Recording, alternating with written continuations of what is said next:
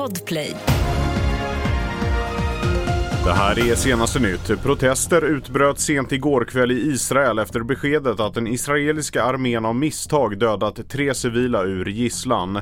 Demonstranter kräver att regeringen omedelbart sluter ett avtal med Hamas om att byta kidnappade israeler mot fängslade palestinier. Samtidigt i en attack mot södra Gaza under fredagen så dödades en kameraman från nyhetskanalen Al Jazeera och en av tv-nätverkets korrespondenter skadades svårt. Anställda på LSS-boenden löper störst risk att mördas på sina arbetspass och enligt Arbetsmiljöverket är det så stora brister på vissa boenden att man riskerar livet genom att jobba där. 19-åriga Agnes Redlund är en av dem som mördades på jobbet. Hennes mamma Maria vill se en lagändring där LSS-boenden måste genomgå skärpta kontroller innan de får tillstånd att bedriva sin verksamhet.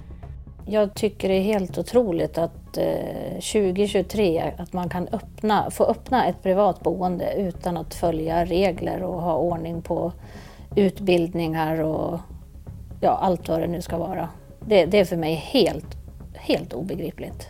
Och det måste bli en förändring för det här kan ju aldrig få hända igen. Hela inslaget och andra nyheter hittar du på tv4.se och i appen.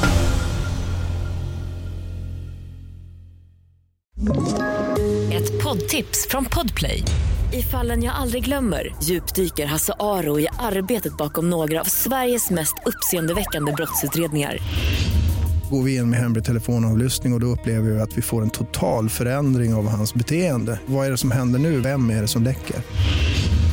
Och så säger han att jag är kriminell, jag har varit kriminell i hela mitt liv men att mörda ett barn, där går min gräns.